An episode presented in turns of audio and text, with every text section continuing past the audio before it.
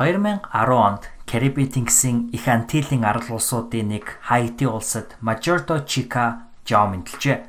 Түүнийг мэндэлсэн өдрөөс хойш ердөө 3 өдрийн дараа их газар хөдлөлт тохиож түүний гэр орон болон улс их орон их нуранганд дарагдсан байдаг. Энэ үйл явдлаас хойш төд удалгүй Chica ээжигээ алдаж асрамжийн газарт очиж улмаар Америкийн зохиолч Mitch Albom болон Mitch-ийн эхнэр Janis Albom нартай хувь заяагаан холбосон байдаг. Сайн мэцхан сонсогчдоо Skeleton podcast-ийн хамтран хөтлөгч Бэлгүнэ байна. Өнөөдөр би хамгийн дуртай зохиолчдынхаа нэг болох Mitch Album-ийн хамгийн сүүлд гаргасан бүтээл Finding Chica буюу Chica олох нэртэй номын илцүүлгийг өрнүүлэх гэж байна. За манай подкастыг удаан сонсож байгаа хүмүүс Mitch Album-ийн өмнөх одоо бичсэн гайхалтай бүтээлүүдийн заримаас нь мэдэх болно. А эдгээрийг дурдах юм бол манай подкастн дээр миний бие болон манай зочдын дурдж онцолж байсан бүтээлүүд нь юу вэ гэхээр Моритой өнгөрүүлсэн ягмар гаригууд буюу Tuesdays with Mori байна. За тэгээд Divajan дуулзах 5 хүн нэртэй зохиол байна. А эдгээр зохиолуудыг бид нар энэ подкаст дээр ярих болгонд хүмүүс энэ номыг хаанаас олж унших уу гэдэг юм уу те. А энэ номд номын тухай сан сэтгэлдээ илгээсэн энэ номыг энэ зохиолчийг илүү сонирхсон юм яриа ер нь бол ерөөсө тасардаггүй. Тэгэхээр бол зөвхөн миний дуртай зохиолч биш миний эргэн тойронд байгаа хүмүүсийн дуртай зохиолч за дээрэс нь манай Skeleton podcast-ийн сонсогч нарын дуртай зохиолч байгаа. Тийм ч учраас би өнөөдөр Mitch альбомын шинэхэн гаргасан 2019 онд бүтээсэн энэхүү хэвлсэн энэхүү бүтээлийг та бүхэнтэй хамтдаа хилцэх гэж байгаа да үнэхээр их догтлолт дүүрэн байна. А дээрэс нь бид нар энэхүү дугаарыг Unitel-ийн дараа талбарт entertainment үйлчлэгээтэй хамтарч хүргэж байгаагаа дуулгахад бүрч их таатай байна. За Чика бол сэргэлэн цовоо овсгоотой босс охин. Мич альбом болон Janis альбом нарын амьдралд Чика тэр хоёр энэ Чика гэдэг охины асран хамгаалагч болсон цагаас хойш юу бэлгэлсэн бэ гэхээр маш их хичээлүүдийг амьдралын хичээлүүдийг энэ бяцхан охин маань заасан байдаг. Хайрын тухай хичээлүүд, гэр бүлийн тухай хичээлүүд, за тэгээ хамгийн гол нь харамцлын, хаагцлын тухай хичээлүүдийг Чика заасан байдаг. 50-аад наснда буюу дунд хичээл наснд хижээл наснда амьдралыг шинээр харах үнцэг, амьдралын хамгийн жижиг сажиг бүхнийг дахин таашаах энхүү боломжийг Чика энэ хоёрт бэлгэлсэн байдаг. Тэгэхээр Чика эдгээр болон бусад ямар хичээлүүдийг өөрийнхөө богинохон боловч утга учиртай амьдралаараа дамжуулж заасан тухай энхүү бүтээлээр дамжуулж Чикагийн ертөнц рүү хамтдаа өсөрцгээе.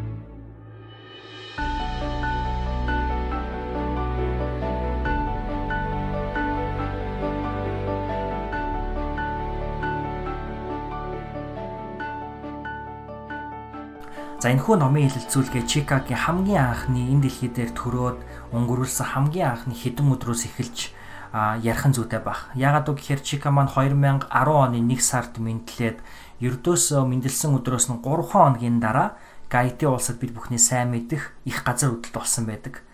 За энэ газар хөдлөлт болох үед Чика бол мэдээч хэрэг балчир байсан 3 хүн өдрийн настай байсан учраас ямар ч дурсамжийн цаг үе бас байхгүй хэдий Чика энэ үеийг огтхон сандаггүй энэ үед ямар ч дурсамж байхгүй ч гэсэндэ Чикагийн үлдсэн амьдралд бол энэ үйл явдал бол том нөлөө үзүүлсэн гэдэг нь бол яхаа аргагүй үнэн. За Чика бол өөрөө аав ээжийнхаа 3 дахь хүүхэд болж мэндэлсэн байдаг. Маш эрүүл сарвал төрсэн. Чикагийн жинхэнэ нэр нь болохоор Majorda гэдэг овгон Жон. За Чика гэдэг нэр нь болохоор бид бүхний одоо хэлдэгээр өхөөрдөж хүүхдийг өхөөрдөж дууддаг нэр нь байгаа. Чика маань өөрөө айгүй том биетэй айгүй хөөрхөн одоо бомбогор хөөхтэйсэн тэмч утгаараа Чикаг одоо өхөөрдөж Чика гэж дууддаг байжээ. За төрөөд 3 хоногийн дараа тэрхүү аимшигт үйл явдал тохиолдох үед Чика маань ээжтэйгээ гэртээ хоёулахна байсан ээжийнхаа чэйжэн дээр нь гүн нойрсож байсан тэрхүү үдэш гэтэл аимшигтай газар хөдлөлт болж Чикагийн гэр орон юу ч үгүй сүрч нурж унсан нуран болж хувирсан.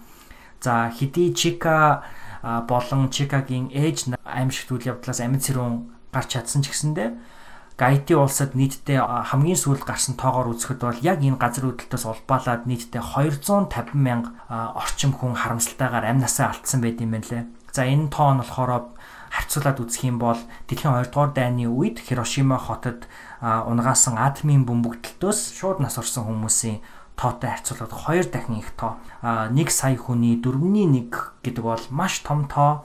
ийм аимшигтай үйл явдал бол одоо тохиосон байдгийн байна. За энэ үйл явдлаас хойш төд удалгүй Чикагийн ээж маань дөрөв дэх хүүхдээ төрүүлсэн байдаг. Эрэхтээ баг дүүн төрсэн Чикагийн гэвч харамсалтай нь төрхийн эндэгдэлтийн улмаас Чикагийн ээж маань бурхан болсон.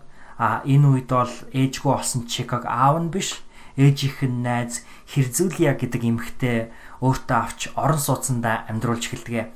Гэвч амьдралын ямар ч стандарт шаардлага хангаагүй тэрхүү орон сууцсан Чикагийн амнаас амнасанд шууд эрсдэл үзүүлж исэн учраас хөршийнхаа үгэнд ороод Чикаг нэгэн асрамжийн газар аваачч өгөхөөр тэрхүү найз нь бол шийддэг байгаа. За ингээд Чика маань Порто Принц гэдэг хотын асрамжийн газар очиж Мич альбомын амьдралд орж ирсэн тэрхүү түүх эхэлсэн байдгийн байна. 2010 оны 1 сарын 12-ны Гаитигийн газар хөдлөлтөөс улбаалж Мич альбом өөрийн хөтэлдэг радио нэвтрүүлэгтээ Port-au-Prince хотод байдаг хүүхдийн асрамжийн газартай холбоотой ажилладаг Pastor John Harn Jr.-ыг нэвтрүүлэгтээ урьж оролцуулсан байдаг.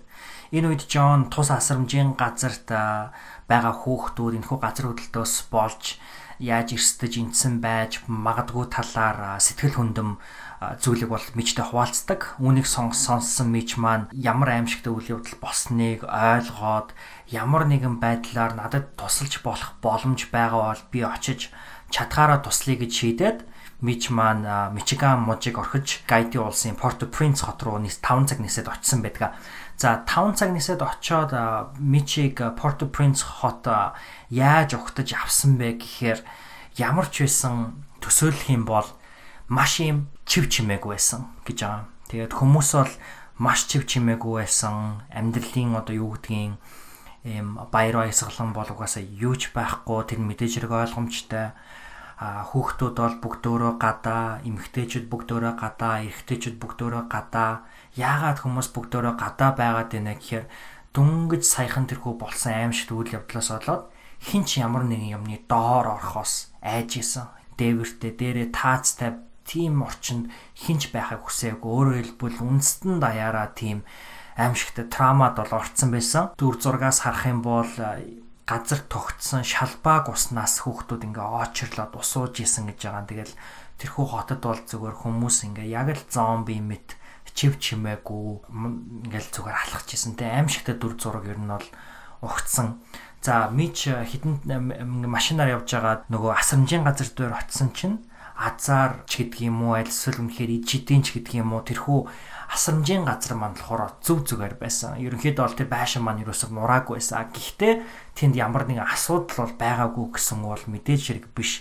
А тэр асрамжийн газрыг тойроод гэр оронгүй болсон хайртай хүмүүсээ алдсан нөхрөө алдсан ээжүүд аль эсвэл хүүхдээ эхнэрээ алдсан аав нар тийм ээ хайртай дотны хүмүүсээ алдсан гэр орноо алдсан ямар ч идэх уух зөвлгөө болцсон энэ хүмүүс идэж уух хоол бараадаад тийм ээ асамжийн газрыг тойроод ерөнхийдөө бол юм жижигхэн юм суурин би аль хэдийн бий болцсон байсан гэж байгаа. За тэгээд мич очоод өөрийнхөө мэдээж хэрэг мич бол гар болсон Америкос л ирээгүй. А бүх хэрэгтэй одоо өөрөө авчирч болохоор хэрэгтэй ус ундаа тий а им тэр зүйлүүдэд машинаас буулгаал хитгэн хормын дотор тэр асамжийн газрын хүүхдүүл тал талаас нь ирээл тэр хоол ундыг нь аваал идэл уугаал ингээл баярлал нүдэнд нь итгэл найдар гэрэлтэл ингэсэн. Тэгээ энийг харсан мичэд хамгийн чухал нь ямар сэтэл төрсэн бэ? Ямар бодол төрсэн бэ гэхээр энэ бол нэг удаагийн зүйл биш юм байна энд би нэг удаа ирээд энэ хүүхдэд нэг удаа туслаад явж болохгүй юм байна. Надад энд биднэрт тийм ээ энд хийх зөндөө зүйл байна гэж тэр үед бол мэдэрч ухаарсан. За тэгээд энэ үед энэ үеэс бол мич ямар ч цаг алдахгүйгээр усанд орох shower ч гэдэг юм уу те усанд орох газрыг нь бий болгож өгдөг, хувцас авгаах газрыг нь бий болгож өгдөг. Ингээ янз бүрийн юмнуудыг тэр асрамжийн газарт бол ерөөсөө ханцуу шамлан ажиллаж эхэлсэн. За тэгээд эцэст нь мийчлэхороо тэрхүү пастор дээр очиод юу гэж асуусан байдаг вэ гэхээр нэг зүйлийг гойсон. Нэг зүйлийг одоо хүсэл тавьсан. Тэр хүсэлт нь мийч би цаашдаа энэ асрамжийн газрыг удирдаад авч явж болох уу гэж ер нь бол асуусан байдаг. Тэгээд энэ хүсэлтэнд нь пастор зөвшөөрөөд энэ цаг үеэс хойш энэ асрамжийн газар бол Mitch альбомын одоо удирддаг, даргалдаг гэх юм уу те а энэ одоо Mitch альбомын амьдралын хамгийн чухал хэсэг нь бол яхаа аргагүй болж хувирсан байдаг. Mitch альбомын хувьд мэдээж хэрэг тэрхүү асрамжийн газарт байсан хүүхд болгонд маш хайртай, хүүхд болгонд чин сэтгэлээс ханддаг, хүүхд болгонтой тоглодог, хүүхд болгоны төлөөцдөг жисэн. А тэр хүүхдүүдийн дунд цойлж гарч ирээ. Тэр хүүхдүүдийн дунд Мичийн анхааралд хамгийн их өвддөг байсан Диггүй охин бол Чика байсан. А гэхдээ Чика бол Диггүй гэхээсээ илүү юу гэдгийг тийм зөрүүд зангаараа их тийм онцгойж гарч ирдэг. А дээрэс нь тийм удирдахч зангаараа их онцгойж гарч ирдэг байсан. А Мичийн хэлснээр бол Чика ингээл хүүхдүүдийг ерөнхийдөө бол баг чагсаагаал чи одоо инг чи тийг гээл те. А тэгсэн мөртлөө Чика болохоор ихэвчлэн ганцаараа тоглолдог айгүй бодлого шоронгоо харваас тийм ухаалаг охин байдаг байсан гэдэг. Нэг худалгүй Мичд ямар мэдээлэл ирсэн бэ гэхээр Чикагийн бие нэг сонирн байна гэд. Тэгээ Чикаг харсан чинь Чикагийн нүүр нь ингээд баг зэргийн таталттай альсэл унжсан ч гэдэг юм уу те ийм байсан. Тэгээд ингээд доглоод исэн. Тухайн үед бол мэдээж хэрэг шууд одоо авч болох алхмуудыг аваад нүдэнд нь им тусаагаад ч юм уу ингээд тийм янз бүрийн алхмуудыг бол авч исэн гэж байгаа. А гисэн хэдий ч Мич альбомын хувьд угаасаа барууны орноос ирсэн учраас бол яг Чикагийн харуулад байсан тэр шинж тэмдгүүд ер нь бол мэдрэлтэй холбоотой байна гэж үзсэн. Тэгээд MRI scan буюу одоо тархины скан хийлгүүлэх гэж шийдээд тэгээд скан хайж эхэлсэн. Дуран аваагаар дурандах энэ боломжийг за мэдээж хэрэг дөнгөж сайхан гайдed газар хөдлөлтөнд өртсөн байсан учраас бол эрүүл мэндийн байгууллагууд бол мэдээж хэрэг тийм амархан бол олдоогүй. Тэгээд ашгүй нэг MRI скантай эрүүл мэндийн клиник олсон чинь тэр клиник нь болохоор 750 Америк доллараар скан хийнэ гэдгсэн байдаг. За тэгээд тэр 750 долларыг нь төлбөрийг нь Мич альбом төлөөд тэр GIT-ийн одоо клиникээр одоо MRI скан дуран авайг бол хийлгүүлсэн байгаа. Гэтэл мэдээж хэрэг тухайн одоо скан хийх дуран авайдах төхөөрөмж нь байсан ч гэсэндээ тэрхүү гарч ирсэн илэрцгийг нь гаргаж ирээд энэ одоо ийм өвчин байна, ийм асуудал байна гэж хэлэх хэмжээний туршлагатай бол эмч бол байгаагүй. А тухайн гайдигийн клиникт байсан эмчнэр манай Чикагийн маань тархийг үзээд тархинд нь бол масс байна гэж хэлсэн. За тэгээд энэ мэдээллийг сонссон Мич бол хоёр дахь сэтгэлээр шууд Чикаг Америк дагуулж явахаар бол шийдсэн байдаг. За тэгээд Мич Чикаг Америк дагуулад Мичиган муж руугаа өөрийнхөө гэрлөө эхнэр Жанис дээрээ одоо Чикагийн хамт нисэж очдог. За энэ Чека Америкт ирсэн эхний өдрүүд бол мэдээж хэрэг айгүй гоё. Энэ номны бол одоо хамгийн гоё юм хэсэг бол надад бол байсан. Яагаад тэгэхээр Чика ингээл цоо шин ертөнцтэй ер нь бол уулздаг те. Хамгийн анх удаа Чика Америкт ирээд а одоо карантинаас ус гоожуулаад тэгээ халуун усан ингээд гоожуулаад бүр ингээд цочоод ингээд гайхажсэн ингээд Mitch альбомын одоо хамгийн одоо алдартай ном нь болохоор Tuesdays with Maury гэж ном байдаг. Тэрхүү номон дээр болохоор Maury гэдэг одоо яг тэрхүү гол дүрийн character нь Mitch-ийн хуучин профессор нэдэг байхгүй их сургуулийнх нь. Профессор нь болохоор өөрөө бас маш хүнд өвчнөөр өвчлцэн. А тэгээд ерөөсө гэрээсээ гарч чаддггүй. Тэгээд Mitch нэг хэлсэн үг гэдгийг а миний одоо энэ цонхоор харж байгаа энэ одоо view тийм ээ энэ харж байгаа энэ үнцэг бол цорын ганц үнцгөө гэж хэлсэн байдаг. А гэтэл мичийн одоо харж байгаагаар бол тийм ээ эрүүл хүнд бол мич хүсвэл хүссэн газар руугаа очиод дэлхийн хамгийн үзэсгэлэнтэй тогтцоодыг харах боломжтой. Тэр хүний өмнө бүх боломж нээлттэй байсан. Гэтэл Моригийн өмнө бол ерөөсөө тэр л цонх нээлттэй байсан. Тэгэхээр тэр цонх бол Моригийн хувьд бол гадаад ертөнцтэй харьцаж исэн цонх байсан гэдэг. Тэгэхээр түүнтэй адилхан Чика Америкт ирчээд тэр хаустай ингээд танилцаад юм болгоныг таашааж яасан юм болгонд баярлж исэн. Одоо Америкт байгаа тэр жижигхэн деталь болгоныг бол Чика гайхаж исэн те. Тэгээ түүнтэй адилхан Чика ингээд цонхоор ингээд зүгээр л хараад хідэн цаг суучдаг байсан гэж байгаа байхгүй.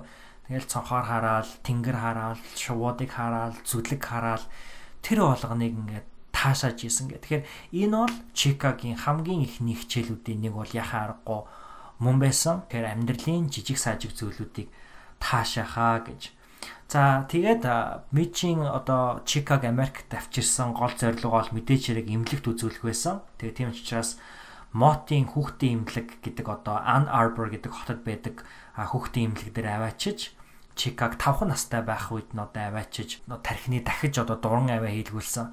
За дуран аваа хийлгүүлээд Америкийн тэр эмчнэр гарч ирээд хэлсэн зүйл нь юу байсан бэ гэхээр Чика бол одоо тархинда хорт тавдартай байна. А энэ хорт тавдар бол дөрөвдүгээр зэрэглэлийн хорт тавдар байна гэсэн үг гэж хэлжээ.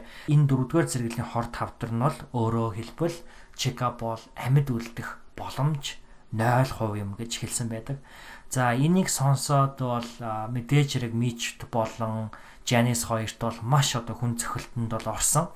Тэгээд эмчнэрээс за чикад тэгвэл хідэн одоо сарын одоо хэдийн хугацааны амьдрал байгаа юм бэ гэж асуусан. Тэгээд эмчнэр юу гэж хариулсан бэ гэхээр бидний бодлоор бол одоо 4 сарын амьдрал байна. За магадгүй 5 бүр яг уу сунгуул 6 сарын амьдрал байж магадгүй гэж хэлсэн байдаг. Тэгээд эмчнэр Мич Жанис хоёрт юу гэж зөвлөсөн бэ гэхээр угаасаа аврах одоо боломж байхгүй. Тэм учраас магадгүй Чикаг эх оронд руу буцаагаад эх оронд нь одоо найзуудынхан дэргэд те байлгаж агаад ингээд бурхан болгосон нь зүйтэй баха гэдэг одоо ерөнхийдөө ол зүйлийг бол хэлсэн байдаг. За энэ үед тний Мичийн болон Жанисийн толгойд юу бодогдчихсэн бэ гэхээр түрүүн одоо бид урдчихсэнчлэн Чика бол удирдахч байсан те. Түүнтэй адилхан Чикад бол удирдахч учраас бол тийм дайчин зан чанар байдаг байсан. Тэгээ тийм ч учраас ягаад ч Мичийн үед Чикад итгэсэн. Чика энэний эсрэг тулалдаж чадна, энэний эсрэг тэнцэж чадна гэж. Тийм ч учраас бол Чика бол би бууж өгөхгүй. Тийм ч учраас Жанис бит хоёр бууж өгөхгүй гэж бодож ийн гэж Мич тухайн үед бол сэтгсэн. Тэгээ тийм ч учраас одоо энэ хав тавдрын эсрэг Чикагийн хамт Мич Жанис хоёр ард нь зогсоод тэмцэхээр ерөнхийдөө бол шийдсэн байдаг. Мич альбомын бичсэн Tuesday with Mori дээр би энэ номын бас дараагийн хэсэг рүү орохоос өмнө нэг зүйлийг дурдж хэлхэн зүйтэй болов гэж бодож байна. Tuesdays with Mori буюу одоо Mori-тэй өнгөрүүлсэн мягмар гаргууд гэдэг энэ ном бол миний хувьд маш одоо үнцэнтэй ном гэж хэлж болно. Тэгээ яагаад үг гэхээр би 2013 онд Америкт ирээд хэлний бэлтгэл сурч исэн. Тэгээд хэлний бэлтгэл сурж байхад биднэрт сургуулаас хамгийн ихэнд уншаарай гэж өгсөн уран зохиолын ном болохоор To Kill a Mockingbird байсан санагдаж байна. А тэгээд бид нар унших гэж оролцсон байхгүй. Тэгсэн чинь айгүй хэцүү байсан.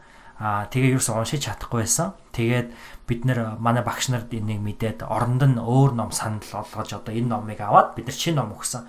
Тэгээд тэр шинэ ном нь юу байсан бэ гэхээр энэ хүү Tuesdays with Mori буюу Mori-тэй өнгөрүүлсэн мягмар гаргууд гэдэг ном байсан. Тэгээд 2013 онд ирээд миний хамгийн анх уншиж исэн уран зохиолын яг Америк дээр уншиж исэн Америк уран зохиолч бол байсан. А тэр ч утгаараа энэ ном бол нэг одоо үнэтэй байр суурь эзэлдэг. А дээрэс нь бас нэг үнэтэй байр суурь эзэлдэг нэг шалтгаан нь юу вэ гэхээр 2016 онд би Монгол улсад ирээд болзоонд явсан. Тэгээ болзоонд явахдаа би найз охин дараад ямар бэлэг авсан байдаг вэ гэхээр яг энэхүү Tuesdays with Mori гэдэг энэхүү номыг бол дараад бэлгэлсэн байдгийн хамгийн ихний болзоон дээр.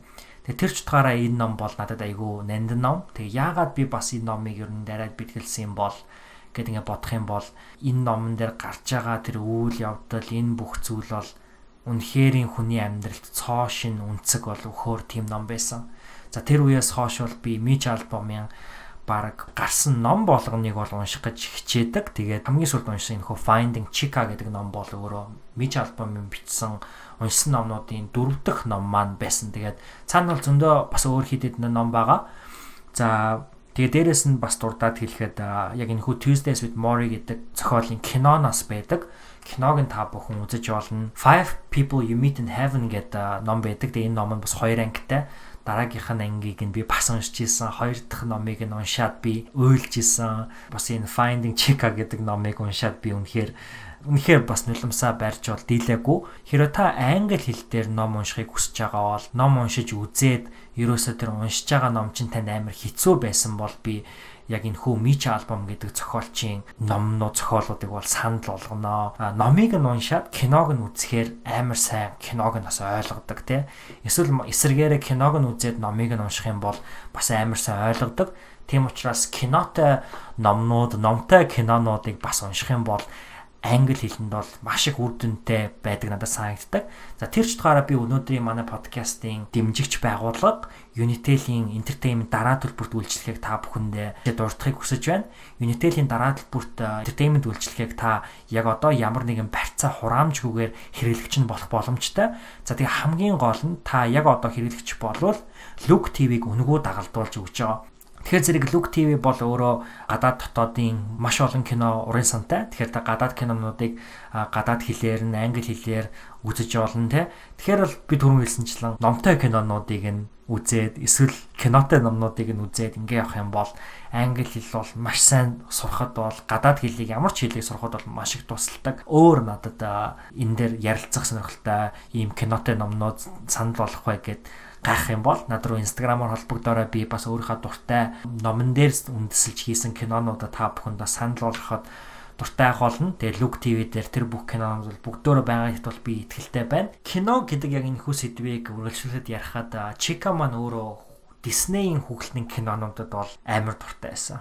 За тэгээ Disney-ийн хүүхэлтийн кинонуудад маш их дуртай байсан учраас Janice Mitch хоёр а юг Disney-г очиж үзэхээр шийддэг Чикатай хамт.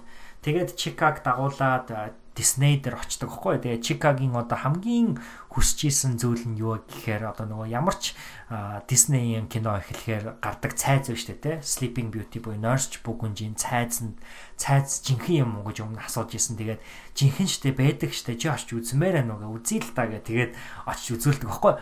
Тэгэл Disney дээр очиод Disney парк дээр очиод нөгөө цайз нь гарч ирэл сүндэрлээл те. Энэ тэнд киноны баатрууд ингээл гарч ирээл ингээд маш тийм гоё ертөнцид одоо Чика очиж байгаа шүү дээ хүүхдийнүүдээр харах юм бол. Тэгсэн чинь Чика Disney дээр ирээд тэр паркд ороод хөө энийг хараа гэд ингээд заадаг байхгүй. Тэгээд юу руу заасан бэ гэж галуу руу заадаг энэ галууг хараа гэл. Тэгэл тэр галуу руу заагаал, тэр галууг дагаал, хөөрөөл, хөхрөөл инээгээл те. Өө тэр галуу ингээд юу орчлоо, өвсөн доогор шургачлаа гэл ингээл инээгээл ингээд ингэжсэн. Тэг тэр үед болохоор Жанис Мич хоёр би бирүүгөө хараад бүр гайхажсэн гэж байгаа байхгүй. Нөгөө нэг одоо хамаатных нь хүүхдүүдтэй Disney дээр ирээл хүүхэлдэйн киноныхоо дуртай баатруудыг хараад баярлал догдлол тэрнээс амьдралын таашаалыг одоо мэдэрч байгаа бол тэнцээ Чика зүгээр өдөр тутам одоо Америкт бол тэгэл галуу шувуу нугас энэ төр бол ингээл байнга л энэ тэн зүгээр ингээл алхаж идэг байдаг л нэг үзэгдэлтэй. Тэгэл гэтэл яг л Мичиганд байдаг зүйлийг Диснейд ингээл харчаал тэрийг баярлал догдлол энийг хараач гэгээд ингээд байгааг нь байгаа нь болохоор Мичи хувьд дараагийн нэг том хичээл байсан. Тэгээ түрүүн бас би хэлжсэнчлэн нөгөө Америкт дөнгөж ирчээд юм болгоныг гайхаж гівүүрээд хідэн цаг бод бодж өнгөрүүлдэг байсан гэдэгтэй адилхан Чика бол амьдралын жижиг сажиг бүх зүйлүүдийг бол гайхаж харж онцлж исэн. Тэгээд хүүхдийн хилдэг нэг үг байд юм байна л да. Энийг хараа гэд. Тэгээд энийг хараа гэдэг үг болохоор Мич Жанис хоёрын хувьд бол маш хүчтэй үг байсан. Ягаад тэгэхээр тэр хоёр маань өөрсдөө одоо хижээл насандаа 50-аад насандаа байжсэн ч гэсэндээ хүүхдтэй болоогүй аав ээж биш хүмүүс Тэгтэл бол одоо Чика амьдралд нь гинт гарч ирэл энийг хараа, энийг хараа гэж ингэжсэн. Тэгээд 50 жилийн дараа дахиж нэг хүүхдийн нүдээр энэ ертөнцийг харах боломж бол олдчихсан гэж номондоо бичсэн байна. Мич маань өөрөө хизээч аав байж үзээгүй учраас Чикагийн мэдээж хэрэг өөрт нь заасан бас нэг чухал сургамжуудын нэг нь болохоор аав байх тухай хичээлээсэн. Мичийн хувьд өөрийнхөө амьдралд нөлөө үзүүлсэн эрэгтэй хүмүүсээс хамгийн их баярлж явдаг, хамгийн хүндэлж явдаг амьдралд нь хамгийн их нөлөө үзүүлсэн хүмүүсийн нэг нь яхаа аргагүй өөрийнх нь аав нээсэн. Тэгээд яг энхүү дурсамжаа яг нэг түүхтэй холбож ярьдаг. Тэр нь юу гэхээр баг бахта Мич ингээд голдын ирэг дээр байна уу да эсвэл нуурын ирэг дээр байна уу ингээд сэлж исэн. Тэгээд аавынхаа ингээд нүднээс жоохон холдоод ингээд эрэгтэй хүүхэд чинь нэр онгорол айгу хол сэлж үзүүлэх гэл ингээд сэлцэн. Тэгсэн чинь тэр үед ингээд байсан хүүхдүүд тэр нөгөө бас нууранд байсан өөр одоо хүүхдүүд за одоо манайхаар хэлвэл одоо нөгөө дээрлэхүү хүүхдүүд байсан байгаа хгүй тэр нууран дээр нь бас тэгсэн чи гинт яагаад ч юм тэр дээрлэхүү хүүхдүүд тэрийг бариад аав гэл нөгөө манай мичиг тэгээдсэн юм л та. Тэгээ жоохон хүүхэд бүр ингээл айгаал өстэй амьдралынхаа төлөө тэмцэн байж өстэй аав руугаа буцаас хилээд очсон гэдэг. Тэгээд нөгөө аавынхаа өвөрт очиод ааваасаа шууд тэр нууран дотор тэврээд авчижлээ. Тэгээ энэ үед ерөнхийдөө бол мич яг нөгөө аавын нүмер нөөлөг гэдэг тэр мэдрэмжийг маш хүчтэйгээр мэдэрч исэн гэтэгдэг. Тэгээд Мичи маань аав өөрөө ер нь бол маш одоо нөмөр нөөлөгтэй, маш юм том хүн байсан гэж. Том хүн гэдэг нь өөрөө хэлбэл амьдралаас том хүн гэж бид нар ярьдаг штэ. Тэг яагаад үг гэхээр Мичин аав 17 настай байхад нь өөрийнх нь төрсэн аав нь одоо бурхан болцсон. Тэгээд Мичин аавын хувьд болохоор тэр одоо гэрийн толгой тэр гэрийн тэргүүн болж одоо хувирсан байгаа. Тэгэхээр 17 наснаасаа өөрийнхөө дүүнэрийнхаа, өөрийнхөө ээжийнхаа, өөрийнхөө энэ гэр орныг авч явах тэр хүүхэнд ачааг 17 наснда өөр дээр нуруунд дээр үүрцэн. Тэгэхээр бол Мичи аавын хувьд бол одоо өсвөр насны хүүхэд байх цаг олдоогүй, залуу одоо хүн байх цаг олдоогүй. Ерөөсөө л шууд одоо насанд хүрсэн хүний бүх үүрэг оройлуудыг нуруунд дээрээ үүрж авч явахаар болсон байдаг. Тэгэд хамгийн гол нь хэдий тийм ч гэсэндээ хизээч Мичи аав бол одоо харамсаж байгаагүй те би амьдралаа ингээд бусад хүмүүсийн төлөө зарцуулаад өнгөрүүлчлээ гэж хизээч харамсаж байгаагүй аав нь бол өөрөө тэр чигтээ амьдралын маш одоо чухал одоо responsibilities буюу ачаануудыг нуруунд дээрээ үүрж амьдрахыг илүүд үздэг тэрэндээ хизээж гомдолж байгаагүй тийм хүн гэж. Тэгэхээр Мичийн хувьд яг тэрхүү асрамжийн газар очоод тэр асрамжийн газрыг удирддаг болсон цагаас хойш бол тэр асрамжийн газрын хүүхдүүдийн бүх хүүхдүүдийн аав мэт мэдрэмжийг бол авч хэлж исэн гэд. А гэхдээ Чика амьдралд орж ирсэн тэр мөч бол бүр хамгийн чухал мөч нээсэн. Тэгээ энэ үе яг мөч одоо яг энэ мэдрэмжийн ухаарал хизээ хамгийн хүчтэй төрдөг бай гэхээр Чика зүгээр яг имлэхээс гараа явж байгаад гэрлүүгээ харж исэн ч үлээ ингээ алхаж исэн чинь ямар ч одоо үг хэлэхгүйгээр Чика зүгээр шууд Мичийн гараас хөтлөөд авдаг. Тэгээд яг энэ үе бол Мичи өөрийнх нь хэлснээр бол үгээр хэлж боломгүй. Тэгэхээр та нар бодоод үзтээ Мич альбом бол үнэхээр гайхалтай бичдэг хүн байхгүй. Тэр хамгийн гол нь ингээд англи хэл гэдэг чинь хэрвээ хүн ярвагтай бичих юм бол ярвагтай бичиж болохоор хэл. А ярваггүй ингээд энгийн үгээр ингээд бичих юм бол айгүй энгийн байдаг. Гэхдээ мич альбом яагаад чи миний ингээд уншихаар ингээд айгүй энгийн үгээр гоё бичиж байгаа мөртлөө маш уран бичдэг. Ямар ч нөхцөл байдлыг, ямар ч түүхийг бүр ингэ сэтгэл хөдлөмөр, бүр догтлмоор, бүр уйлмаар, бүр ууралмаар те бүх сэтгэл хөдлөлийг гаргаж ирмээр тийм гоё бичдэг юм баггүй. Гэтэл ийм гайхалтай зохиолч хүн тэр үе Чика миний гараас хөтлөөд авсан тэр үе би үгээр илэрхийлж чадхааргүй тийм үе байсан гэж хэлнэ гэдэг бол бүр би энийг бол маш хүчтэй зүйл гэж бодож байна. Чикаг Америкт дэмжлүүлж байх хугацаанд Мичол Чикаг хит хитэн удаа буцааж эх орн руу наваачиж найзуудтай нь уулзуулж байсан байдаг.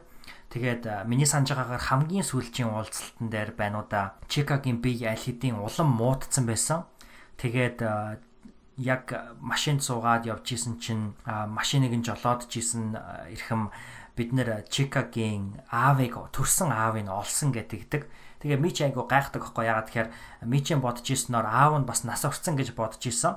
Тэгээд Тэгээд энэ бол гайди улсад ерөнхийдөө бол айгүй түгээмэл үзэгдэл гэж номон дээрээ бичсэн байдаг. Яагаад үг гэхээр хүүхдүүдээ одоо өргүүлэхийн тулд асрамжийн газруудад өгөхийн тулд ээж нар нь ч юм уу аав нар нь ч юм уу ямар нэг асран хамгаалагч нь хүүхдийг авааж өгөхдөө ээж аав нь аль нэг нь эсвэл хоёулаа нас орсон гэж ингэж хэлэх тохиолдол бол амар их байдаг. А гайди улсад өөрөө янз бүрийн тэр нөгөө бүртгэл тийм зүйл байхгүй учраас хүний одоо юм аман аманд итгэхээс энэ үгэнд итгэхээс өөр ерөнхийдөө бол аргагүй байдаг. Тийм ч учраас бас одоо хүүхдүүдийн амьд одоо амьдралд гинт аав нь байхгүй байжгаад гинт гарч ирээд миний хүүхд хүүхдээ аваа гэдэг ч юм уу энэ тохиолдол байдаг. Яг ийм тохиолдол бас яг энэ номон дээр Чикагаас өөр бас хүүхдийн амьдралыг бас Мич маань дурдж ярьсан байдгийг би бас энэ ч зохон тэмдэглэн зүйтэй байх. За тэгээд энэ мэдээллийг сонсоод Мич шийддэг байхгүй юу? За за аавтай нь уулзуулъя гэж. Ягаад тэгэхээр Чика миний санаж байгаагаар бол яг энэ уулзалт бол Чика хамгийн сүүлчийн удаа IT улсад ирж исэн. Тэгээ би энэ маш муудсан байсан. Ерөнхийдөө бол хэдэн сарыг тоолох биш өдрөөл бараг тоолж исэн гэж хэлэхээр харамсалтай нь. Тэгээ тийм учраас төрсэн аавтай нь уулзалгаа шийддэг. Тэгээд төрсэн аав дээр нь очиод Чикаг аваачид төрс Чикатай очиод ингээд уулзалгаа. Тэгээд төрсэн аав автагаа чика ингээд уулзаа тэр хоёр нэг юм ярьдаггүй зүгээр ерөнхийдөө бол би биенийхээ дэргэд суугаад чика тоглоомороо тоглоод ингээд нэг юм үзэгдэл болж өнгөрдөг. Тэгээд энэ үед мичийн дотор төрж исэн бодол бол энэ номын бас нэг айгүй чухал хичээл болж үлдэж байгаа. Тэр нь юу вэ гэхээр хэн гэр бүл бэ гэдэг ойлголт. Тэгэхээр би нэвтрүүлгийнхаа энэ номын хэлцүүлгийн өмнө хэлжсэн Чика хайрын тухай заасан, гэр бүлийн тухай заасан, хагцлын тухай хичээл заасан гэж. Тэгэхээр гэр бүлийн тухай заасан хамгийн чухал хичээлүүдийнхаа нэг бол яхаа аргагүй гэр бүл гэж хин бэ гэдэг хичээл. Тэгэхээр би ч яг энэ үед боддог байхгүй юу? Одоо энэ аав нь аавд нь ерөөс буруу өхөнч хаашаа юм мэдээж хэрэг гайди улс бол өөрөө одоо буурай улс орон тэгэхээр бол энэ одоо хүнд өвчнөтэй охиныг аав нь аваад энэ өвчнийг имчлүүлээд энэ нийсрэг тэмцэх боломж бол угаасаа байхгүй. Тийм учраас бол аавд нь буруу өгч аавыг нь үзий яддаг ч юм уу тийм зүйл бол мэжд юусаа байгаагүй. А гэхдээ яг Чика бол аль хэдийн өөрийнх нь охин мэт болцсон байсан. Би энэ зохиолыг хилэлцэг хилцүүлэг гэдэг утгаар нь маш их товчлоод гол гол утга санаадыг нь ярьж байгаа учраас бол маш их түүхүүдийг нь бол алхасж ярьж байгаа. А Тийм учраас бол одоо энэ түүхийг би ингээ бодох юм бол эднэрийн Чика, Жанис, Мич 3-ын Герман руу аялсан түүх бол надад бас айгүй гой санагдаг. Герман руу хит хитэн удаа одоо буцаж очиж аялж исэн. Тэгээ би энэ түүхийг зүгээр товчхон дурдхад болохоор нөгөө мич бууж өгөхгүй гэж шийдсэн учраас яг одоо энэ төрлийн хорт хавдрын эсрэг одоо имчилж байгаа, им зохиож байгаа юу гэдгийг энэ энэ одоо өвчний эсрэг имчилгээг ирж байгаа одоо энэ эмчнэр эмчнэрийг бүгднгийн ирж хайгаал бүгднгөөс нь тусламж хайгаал янз бүрийн эмчилгээнүүдийг бол туршиж үзсэн. Чикач гэсэн тэр олон хүнд хэцүү эмчилгээнүүдийг бол давж гарч исэн. Үнэхээр хэцүү байсан те. Тэгэхээр бол Чика зовсон. Дээрээс нь Чикагийн зовлон Жанис Мич хоёр хоёулаа мэдэрч исэн. Энэ зовлон хамтдаа туулсан. Тэгэхээр бол Чикагийн хувьд бол аль хэдийн Мич бол гэр бүл нь болцсон байсан. Жанис бол аль хэдийн гэр бүл нь болцсон байсан. Жанис Мич хоёрын хувьд ч гэсэндээ Чика аль хэдийн гэр бүл нь болсон байсан. Тэгээ яг төрсэн аавтайгаа Чика уулзаад сууж байгаа тэр дур зургийг хараад а Мичи хувьд бодогдсон зүйл нь юу байсан бэ гэхээр гэр бүл гэж яг юу юм бэ? Одоо би аав юм уу? Аль эсвэл төрсэн аав нь аав нь юм уу ч гэдэг юм уу те энэ бодол бол яахаа аргагүй хүссэн хүсээгүй толгойд нь бол эргэлдэж исэн гэд. Гэхдээ Мич бол одоо хоёр дахь гоо сэтгэлээр нэг дүгнэлтэнд бол шууд хүрсэн нь одоо цусны төрлөөс үл хамаарад гэр бүл гэж бол байдаг юм аа. Асран хамгаалагч байна уу? Аль эсвэл төрүүлсэн аав ээж нь байна уу? Хамаагүй гэр бүл бол гэр бүл юм аа гэж одоо тэр үед бол бодсон байдаг. Тэгээд яг энэ үед надад бас нэг бодогдож байгаа зүйл нь юу гэхээр Стив Джобс ихтгэл дээрээ хэлсэн байдаг штэ. Ерөнхийдөө бол Стив Джобсын амьдрал бол өөрөө төрсөн эцэг ихтэй одоо гологдоод гэдэг юм уу те а одоо одоо юу яаж өргүүлж авахулсан байдаг. Тэгээд ээж аавыгаа төрсөн ээж аавыгаа дандаа biological mom and dad гэж ярьдаг те одоо намайг төрүүлж өсгсөн гэж ярахаас илүү зөвхөн одоо миний биологийн одоо аав ээж бол тэр юм а гэж одоо ярьдаг байсан. А хизээж одоо миний аав ээж гэж бодлоо одоо тэр төрүүлсэн аав ээжигаа бол хизээж ярьдаггүй харин миний аав ээж бол намайг төрүүлж одоо өсгсөн аав ээж нар юм а гэж одоо тэрхүү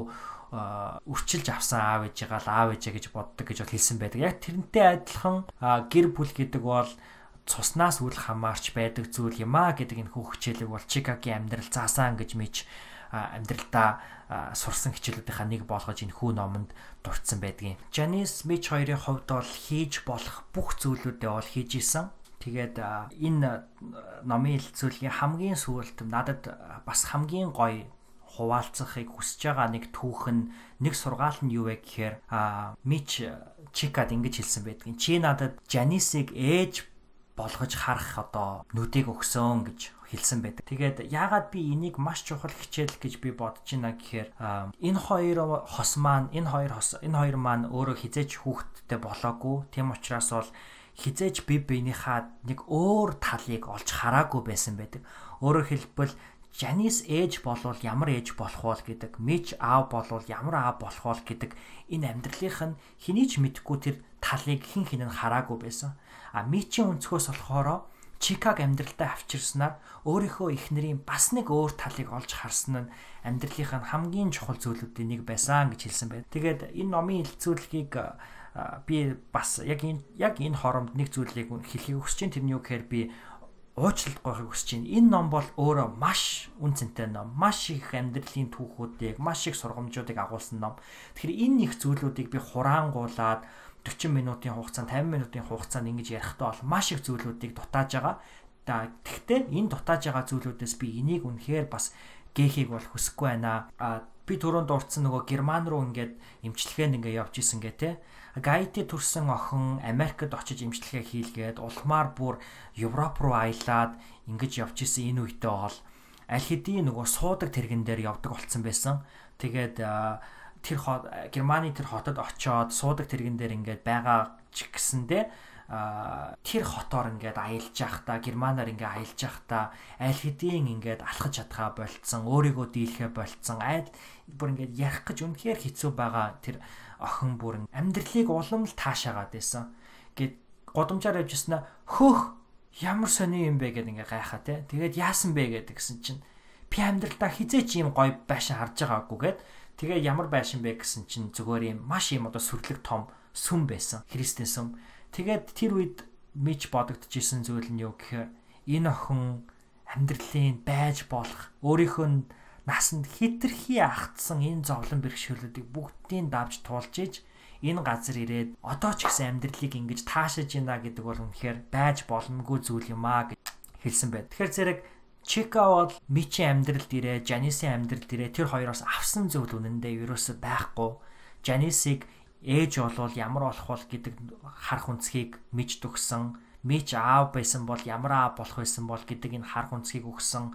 Амьдралыг таашаахыг амьдралын жижиг сажиг зүйлүүдийг таашаахыг амьдрал юу ч болж исэн ямар ч хэцүү зүйл болж исэн хамгийн гол нь тухайн мөчтөө амьдрахыг чика заасан байдаг гэж би хэлэх юм болов. Тэгээд энэ номын хамгийн сүүлд э, юу болдог вэ гэхээр мэдээж хэрэг чикагийн харамсалтай ертөнцийн төгсгөлөөр энэ охины хувьд ертөнцийн одоо эцсийг үзэх байдлаар бол энэ ном бол төгсдөг те ертөнцийн мөнх босыг үздэг байгаа. Тэгээд энэ түүх надад бүр үнэхээр амар хэцүү байсан уншихад би бол яг уншаал бүр ингээд за би өмнө нь Мичи номыг уншаад уйлжсэн учраас энэ удаад уншаад уйлахгүй дэ гэж ингэж айгүй хичээжсэн. Тэгээд намайг яг үнэхээр уйлуулсан тэр үеийн юу байсан бэ гэхээр хамгийн гол нь Чикаг ерөөсө 4 сарын амьдралтай байна гэж анх удаа Америк эмчнэр хэлжсэн те. Гэтэл энэ үед бол 2017 онд бол 2017 оны 4 сард бол аль хэдийн 19 сарын хугацаа өнгөрцөн байсан. Өөрөөр хэлбэл Чика Америкт ирээд зуны уйлрал, хаврын уйлрал, намрын уйлрал, дөрвөн уйлралыг үзсэн байсан. Дээрээс нь нэмээ дахиад бараг тэр бүтэн нэг жилийг үзэгчээсэн. Жил гаруй хугацааг туулцсан, Америкийг үзсэн, Америкийн хид хідэн мужуудыг үзсэн. Маш олон найзуудтай болцсон. Чика бол өөрийнхөө үеийн хүүхдүүдтэй найзлсан тий. Дор хүнд өөрийнхөө үеийн бандд одоо дурлж үзсэн.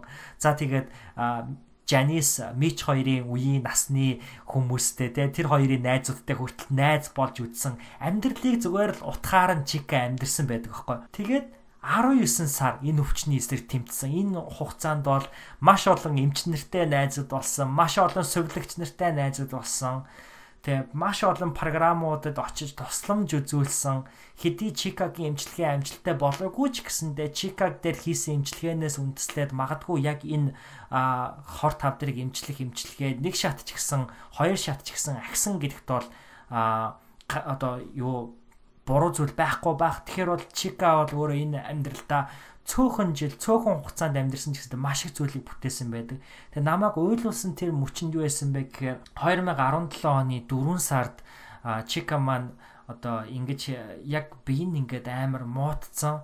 Тэгээд сувд гэртээ нөгөө тэр хоёр маань сувлагч авцсан байсан. Тэгээд нэг үдэш унтчихсэн чинь дүнгэж одоо нар мандчихсэн. Айгу харанхуй үед сувлагч Мич Жанис хоёрыг сэрээгээд цаг нь болсон бололтой гэж хэлдэг. Тэгээд тэр хоёр хиний Чикагийн өрөөнд очоод орных нь хоёр талд суугаад гарнаас нь атгаад ингээд суудаг. Тэгээд Чикагийн хуруунд нөгөө зүрхний цохилт хэмждэг төхөөрөмж ингээд суулгацсан.